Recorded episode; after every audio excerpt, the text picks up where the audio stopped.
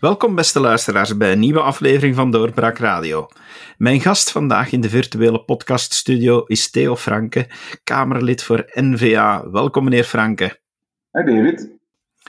Meneer Franke, u hebt er toch wel een bewogen politiek jaar op zitten, uh, heb ik zo de indruk. Tijd om even uit te blazen? Ja, ik ben er even tussenuit. Uh, de kinderen zijn op kamp en ik ben even alleen met mijn vrouw uh, een, een, aantal dagen ertussenuit, dus een beetje aan het genieten. Um, maar we volgen de politiek en de actualiteit altijd op de voet. Ik ben een politiek beest, dat gaat nooit weg. Maar we proberen, het wat van, ver, van verder af te bekijken, ik zal het zo zeggen. Groot gelijk. Dus net zoals bij mij, ik zit ook ver af en ik blijf het ook wel volgen daarmee dat ik u gecontacteerd heb. Want uiteindelijk, dit politieke werkjaar is niet met een zucht voorbij gegaan, maar eerder met een klap. Een grote, ja, toch wel breuk die we zagen in de Vivaldi-regering omtrent die hongerstakers.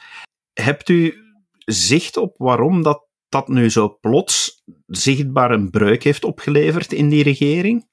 Ik denk ten eerste dat je, moet, dat je niet anders kan dan vaststellen dat elke keer dat er een nieuwe regering aantreedt, dat uh, men gaat hongerstaken. Uh, dat is begonnen onder Wattelet. Uh, dat is zelfs al daarvoor, is dat ook al wel gebeurd. maar onder Wattelet was het toch wel een, op een zeer structurele wijze. Ook jo Joël Milquet heeft dat al gekend. als minister van Binnenlandse Zaken, dan Wattelet, dan heb je ehm, Magie de Blok gehad. Ik heb dat ook gehad. En dan nu Sami Medi. Dus dat is ook geen toeval. Het begin van de nieuwe legislatuur wordt er gehongerstaakt. Dat is, uh, dat is een activistisch collectief van extreem linkse NGO's en open grenzenlobbyisten die, die op die manier proberen de regering onder druk te zetten. Alleen is het zo natuurlijk onder een Zweedse regering met meer eerder, rechtse partijen, ja, dat was heel duidelijk en snel duidelijk dat dat een nee ging zijn. Maar nu heb je eerder een linkse regering en nu krijg je natuurlijk meer spanning, omdat die linkse partijen, uh, ja, die NGO's hebben het oor van de linkse partijen meer als van de rechtse partijen. En dus ja, die, uh, die komen dan zelf. Intern komt daar heel wat tumult rond uh, binnen die partijen. En die gaan dan natuurlijk ja, de andere partijen die langs, meer langs de rechterkant staan, zoals MR en VLD, onder druk zetten. En CD&V, ja, dat is een partij die soms links is, soms rechts is, daar kun je nooit niks van weten. maar nu Sami Media het dossier heeft, waar wij zich fors opstellen. En komen die linkse partijen natuurlijk in opstand en, en zetten ze hem onder druk. En dat wist hij. Het CD&V is het vijfde wiel aan de wagen. Dus ja, dat was zijn eigen keuze. En dat gaat hij nog een aantal keren meemaken. Hè, want die regering hangt met, met spuug en plaktuigen op elkaar. En ze gaan die, die Sami Medi onder druk blijven zetten over migratiedossiers en andere dossiers. Hè, langs links, dat, dat is evident. Maar meneer Medi heeft toch hier eigenlijk wel van in het begin gezegd: oké, dit ga ik niet passeren bij mij, no passaran. Uh, ja, u hebt ook op dat departement gezeten. Had u meteen zoiets van, ja, eerst zien en dan nog geloven? Ja, absoluut. Dus ten eerste heeft hem toch heel ver laten komen. Dus eh, er werd constant vanuit die linkse partijen en die NGO's werd er toch valse hoop gegeven aan die hongerstakers. Um, en werd er gezegd, ja, finaal zal dat toch wel lukken. Dan is er een regeringscrisis gekomen dat heeft toch heel lang geduurd. Hè? Dat heeft eigenlijk het toch wel uit de hand laten lopen. Als je ziet dat er meer dan 50 ziekenhuisopnames nodig waren, dat mensen in dorststaking gingen en dat eigenlijk de PS een regeringscrisis heeft veroorzaakt om het dossier te deblokkeren, ja, dan kan je toch moeilijk zeggen dat hij het, uh, allemaal, dat crisisverhaal helemaal uh, onder controle had. Hij heeft dan een neutrale zone opgericht. Dan waren er honderden en honderden mensen die daar plots uh, naartoe kwamen, want hij had die neutrale zone ingericht voor alle illegale in België en, en Brussel. Dus ja, dat zijn er natuurlijk duizenden. Dus dat ging rond als een lopend vuurtje dat ze naar daar konden voor een afspraak te maken met dienst. Dus ik vond de aanpak van de crisis eigenlijk helemaal niet goed. Zijn lijn zelf was consequent in die zin dat hij zei: nee, ze krijgen geen voorrang of ze krijgen geen andere behandeling, geen voorkeursbehandeling omdat ze hongerstaken. Wij laten ons niet chanteren. Uh, ik heb dat als, toen als de hongerstaking plots stopte, plotsklaps stopte die, dat verbaasde mij, omdat er eigenlijk altijd wel, heel uh, fors werd gezegd dat ze dat niet zouden doen. En ineens werd er gestopt. Dus ik vroeg me dan af, ja, wat is er hier onderhandeld? Wat is er van akkoord uit de bus gekomen? Waarom stoppen die ineens? Ja, en dan uh, heb ik daarop moeten doorvragen. Ik ben eerst zwaar aangepakt door Medi, die ook altijd voor de aanval kiest als, als zijn, zijn beste verdediging. Ik weet niet of hem dat zo lang zal volhouden. We moeten dat nog afwachten. Maar dat valt me wel op. hij zegt, ja, je bent een stoker, stop toch met stoken en je bent aan het zwetsen en je bent een populist. ik vond dat eigenlijk compleet misplaatst, want ik doe gewoon werk als parlementslid. Ik heb dan een commissie kunnen laten samenroepen en die is dan vrijdag samengekomen en ik heb daar echt kunnen doorvragen. Gedurende drie uur en een half is daar debat geweest met zeer concrete vragen. En wat bleek dan? Dat hij op drie concrete punten wel degelijk voorrang geeft aan die hongerstakers. En dus dat zijn discours helemaal niet consistent is. Uh, hij, hij, geeft nu in neutrale zone de mogelijkheid om een afspraak te hebben met een ambtenaar van dienst Vreemdelingen, Vreemdelingenzaken, wat hoogst uitzonderlijk is en wat geen enkele migrant in België kan. Uh, dat kan nu wel voor de hongerstakers. Hè, dus dat is iets heel uitzonderlijk. Dat hield natuurlijk elke illegaal. En daarom dat er ineens honderden afkwamen, omdat men dat natuurlijk wenst, om een individueel gesprek te hebben met een ambtenaar van dienst Vreemdelingenzaken. Ook al worden daar geen beloftes gedaan, dat gesprek op zich is al een ongelooflijk iets dat iedereen wenst te hebben, om het dossier te kunnen toelichten en te weten waar het juist staat. Dat is, dat is toch wel heel belangrijk. Daarnaast is het zo dat voor de woonstcontrole er, ehm, de, de mensen worden ingeschreven, allemaal in stad Brussel. Ehm, en normaal is er een woonstcontrole op adres uh, voor mensen die een regularisatiedossier indienen. Dus daar, ook daar is het, uh, is het onduidelijk uh, of dat, dat ja, wel nog zal gebeuren. Hij zegt, ja, we gaan dat toch nog doen. Maar ik vroeg dan door, ja, en iemand die bijvoorbeeld hongerstaakt heeft, ik zeg maar uit Lubeek, een illegaal iemand die eigenlijk in Lubeek woont, die in Brussel is gaan hongerstaken gedurende twee maanden, ja, gaat hij dan in Lubeek een woonstcontrole krijgen? Ja, daar kon hem dan niet op antwoorden. Dus ook daar ziet het er naar uit dat een ontvankelijkheidsvoorwaarde, dat, rond woonstcontrole, want dat is een absolute ontvang, ontvankelijkheidsvoorwaarde, ja, dat die hier voor deze groep niet meer zal gelden, of minstens voor een deel van die groep. Uh, en dus dat is ook ja, een voorkeursbehandeling. Um, je kan dat niet anders, uh, niet anders noemen. Ja, en dan ten derde natuurlijk het, nog het belangrijkste van allemaal is dat hij ook heeft gezegd, na herhaaldelijk doorvragen van mezelf, want hij wou dat eerst niet toegeven, dat er een prioritaire behandeling komt van alle dossiers van de hongerstakers. Dus dat betekent heel concreet, als een hongerstaker een regularisatiedossier indient, dat mensen die misschien al jaren wachten op een behandeling van hun dossier, dat die nog langer gaan moeten wachten, want het dossier van die 475 hongerstakers wordt voorgetrokken.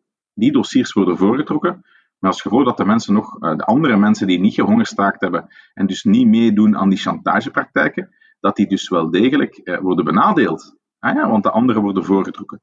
En dan blijft hij volhouden, nee, er is geen voorkeursbehandeling. Ja, sorry, maar wie ben je eigenlijk iets aan het wijsmaken? Als hij zegt, wij gaan de mensen niet beoordelen op andere criteria, ja, dan heeft hij misschien een punt, buiten dat van de woonscontrole. Maar zeggen dat ze geen voorkeursbehandeling krijgen, die hongerstakers, dat is niet juist. Dat is gewoon manifest niet juist. Ze krijgen wel degelijk een voorkeursbehandeling. Dus ik heb nu een twintigtal schriftelijke vragen ingediend om het dossier op te volgen, want ik wil natuurlijk weten wat er finaal over een aantal weken en maanden uit de bus komt. Um, en ik heb ook gevraagd dat hij naar het parlement komt in september om te rapporteren over wie heeft er daar papieren van gekregen, hoe staat het met die dossiers um, en ja, wie is er van teruggestuurd. Want uiteindelijk een heel deel daarvan zou moeten teruggestuurd worden uh, naar het eigen land. En ja, dat is natuurlijk, uh, daar wordt allemaal niks, niks meer over gezegd. En dus die opvolging moet absoluut, uh, absoluut gebeuren nu. En dat ga ik doen via parlementaire vragen. En hopelijk komt hij ook in het najaar naar het parlement met een heel duidelijke opleiding van wat er nu juist met die mensen allemaal individueel gebeurd is. U vernoemde al terugsturen, het terugkeerbeleid. Het is iets wat de commissie Bossuit ook heeft aangehaald, dat in een goed migratiebeleid ook een stuk terugkeerbeleid moet zitten. Uh, ja, deze mensen die vragen nu regularisatie omdat terugkeren nooit gebeurd is eigenlijk. Denkt u dat wat terugkeer betreft nog iets gaat wijzigen in de aanpak van de staatssecretaris? Ik, ik heb daar niet veel hoop op. Hè. Dus, uh, ten eerste dus meer plaatsen in de gesloten centra. Die krijgt hij sowieso al niet gerealiseerd. Uh, mijn masterplan gesloten centra heeft hij on hold gezet. De regering heeft, kan daar geen akkoord over bereiken. Hij had dat beloofd voor februari, dat is nog altijd niet rond. Dus dat, dat zit op de lange baan. Daarnaast gaat hij voor een aanklampende aanpak met heel wat coaching, et cetera. Dat zijn allemaal formules die al gebruikt zijn en, geprobeerd zijn in het verleden. Sommige mensen willen gewoon niet terug hoeveel coaching dat je ze ook geeft. Hè. Dus dat kost allemaal handenvol geld aan overheidsinstanties. Hij gaat uh, honderden ambtenaren bij aanwerven. Maar dat effect daarvan gaat heel minimaal zijn. En zeker niet in verhouding staan tot, tot het belastingsgeld dat er wordt ingestoken. Dus, dus nee, ik, eh, ik, eh, ik ben heel pessimistisch over dat terugkeerbeleid. Corona is ook een, ook een reden voor sommige landen van, van, ja, landen van herkomst om te zeggen, ja, we nemen ze niet terug. Hè. Dus nu de grote truc voor het moment is dat ze weigeren een coronatest te laten afnemen. En die landen van herkomst die zeggen, ja, als, ze niet, als we niet zeker zijn dat ze geen corona hebben, nemen we ze niet terug.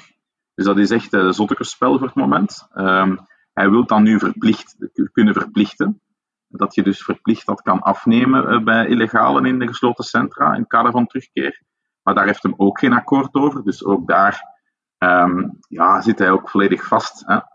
Ik zeg niet dat hij man slechte intenties heeft, maar hij zit volledig vast in een veel te linkse regering en in een paradigma van uh, verblijfsrecht na een illegale reis naar Europa, uh, dat gewoon niet meer werkt. Een paradigma waar we moeten van afstappen. En ik zie dat na de Britten, uh, na de Denen, die dus het Australisch model willen, dat nu ook de Franse Les Républicains, partij die de verkiezingen heeft gewonnen een paar weken geleden, de grote verkiezingen, en, en hopelijk ook met een sterke presidentskandidaat kan komen volgend jaar, dat die nu ook dat Australisch model kopiëren in hun programma en, en dat ook beloven. Dus het schuift allemaal op. Ik heb het hier al gezegd, uh, David, het schuift allemaal op uh, richting de goede kant. Maar het is een heel, heel traag proces. maar ik ben voortrekker en ik zal voortrekker blijven op alle mogelijke fora. Um, deze week is het, is het, tragiek, het tragisch recordcijfer van, of het tragisch cijfer van duizend verdrinkingsdoden op de Middellandse Zee trouwens bereikt.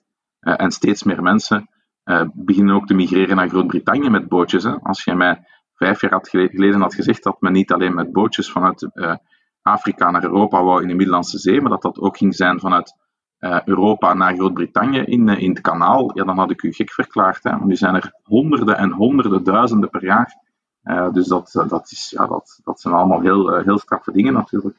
Rond deze groep van hongerstakers was het ook wel duidelijk dat er een groep rond zat van bepaalde ja, groeperingen, dokters van de wereld bijvoorbeeld, die deze hongerstakers toch wel intensief begeleid hebben in hun beslissingen en, en gestuurd hebben. Dat, dit kwam toch niet zomaar uit de lucht vallen en die mensen zijn toch niet zo lang blijven doorgaan uh, zonder dat ze ja, tenminste hoop werden voorgespiegeld. Nee, absoluut. Hè. Die open grenzenlobby heeft ook niet de minste scrupules. Het wordt, wordt alleen maar drastischer en, en extremer. Hè. Zeker als links dan ook in de regering zit. Uh, ik was de grote boeman. Uh, ja, en nu, nu gaat men gewoon door. En, en allee, het feit dat die monden worden dichtgenaaid, die, die mensen doen dat niet zelf. Hè. Wie doet dat? Als ik die beelden kan zien, dat zijn precies toch professionelen dat dat gedaan hebben. Ja, dat zou toch allemaal eens moeten onderzocht worden. Ik heb hem dat ook gesuggereerd, samen mee. Ik zeg van, kijk, je moet klacht indienen met burgerlijke partijstelling Um, om, om te onderzoeken wie dat die monden heeft dichtgenaaid. Hè, want dat is toch een heel drastisch uh, middel. Um, en, en, ja, je moet dat ook eventueel bij de Orde van Geneesheren van Brussel en Vlaams-Brabant doen, dat dat onderzocht wordt. Um, hij zegt, ja, dat, dat is niet aan mij om te doen. Nu, hij had zelf weinig problemen om klacht in te dienen tegen Daria Safai en haar man, in het kader van die vermeende visafraude met Iraanse uh, dissidenten, waar niks, maar dan ook niks van waar bleek te zijn. Um, dat, vond hem dan, dat vond hem dan precies allemaal wel zijn, zijn bevoegdheid en zijn verantwoordelijkheid. Ik vind het heel spijtig dat hem dat hier dan niet doet. Uh, dus uh, ik vind dat hem dat wel moet doen. Ik heb hem dat ook gesuggereerd. Dus misschien dat hij dan toch tot besef komt dat hij dat wel zal doen. en die klacht zal indienen, want dat moet onderzocht worden in mijn ogen. Um, en daarnaast vind ik ook voor de toekomst dat er een zwarte lijst moet gemaakt worden voor toekomstige hongerstakers. En dat hier heel duidelijk moet over gecommuniceerd worden. Start je met een hongerstaking, dan verlies je sowieso elk toekomstig verblijfsrecht in België. Eh, we moeten deze chantagepraktijken voor eens en voor altijd stoppen. En dat kan alleen maar door, door ze echt op een zwarte lijst te zetten. Als je begint aan een hongerstaking, ja, dan, dan is het al sowieso een nee. Sowieso zal het dan een nee zijn. Uh, dan kom je er gewoon niet in uh, op een legale wijze. Dan krijg je gewoon geen papieren. Dus, en dat is dan voor de toekomst. Het gaat dan niet over deze groep niet meer, dat gaat dan over de toekomst ik vind dat we dat moeten doen, want je mag gerust zijn dat er nog hongerstakingen zullen komen. Zeker nu hij eigenlijk wel voorrang heeft gegeven aan hongerstakers en uh, dat voorrang geeft. Uh, en ik heb deze morgen nog een mail gehad van iemand die hier ook lang illegaal is. Um, en die zich razend kwaad maakt over het feit dat hij eigenlijk nu nog langer zal moeten wachten op een antwoord voor zijn 9 bis procedure, omdat die hongerstakers voorkruipen. dus de kans bestaat dat er nu een aantal andere illegalen ook gaan hongerstaken, puur en simpel, omdat zij natuurlijk ook voorrang willen met de behandeling van hun dossier, dat toch soms jaren duurt. Dus ja, ja, ik denk echt dat hij hier een heel slechte kaart heeft getrokken. Uh, ook al komt hij misschien wel fors over in de publieke opinie voor het moment. Uh, ik denk dat dit helemaal niet, niet de juiste weg was. als ik hongerstakers had, bij mij was het nee van het begin tot het einde. En ze zijn ook gewoon gestopt na een aantal dagen, omdat ze door hadden van ja, met Franke zal het gewoon niet lukken. Ja, punt. Ik denk dat dat inderdaad heel duidelijk is. Meneer Franke, dank u wel dat u de tijd hebt genomen tijdens uw vrije dagen om dit allemaal even toe te lichten in de podcast van Doorbraak. Heel graag gedaan en uh, hopelijk tot binnenkort. Meer dan waarschijnlijk, beste luisteraars. U merkt het ook in de vakantie blijven bovenop de dingen zitten en volgen we op waar nodig. Graag tot de volgende keer. Dag. Dit was een episode van Doorbraak Radio de podcast van doorbraak.be. Volg onze podcast op doorbraak.be/slash radio of via Apple Podcasts, Overcast of Spotify. Bezoek ook onze website op doorbraak.be en steun ons door een vriend te worden van Doorbraak.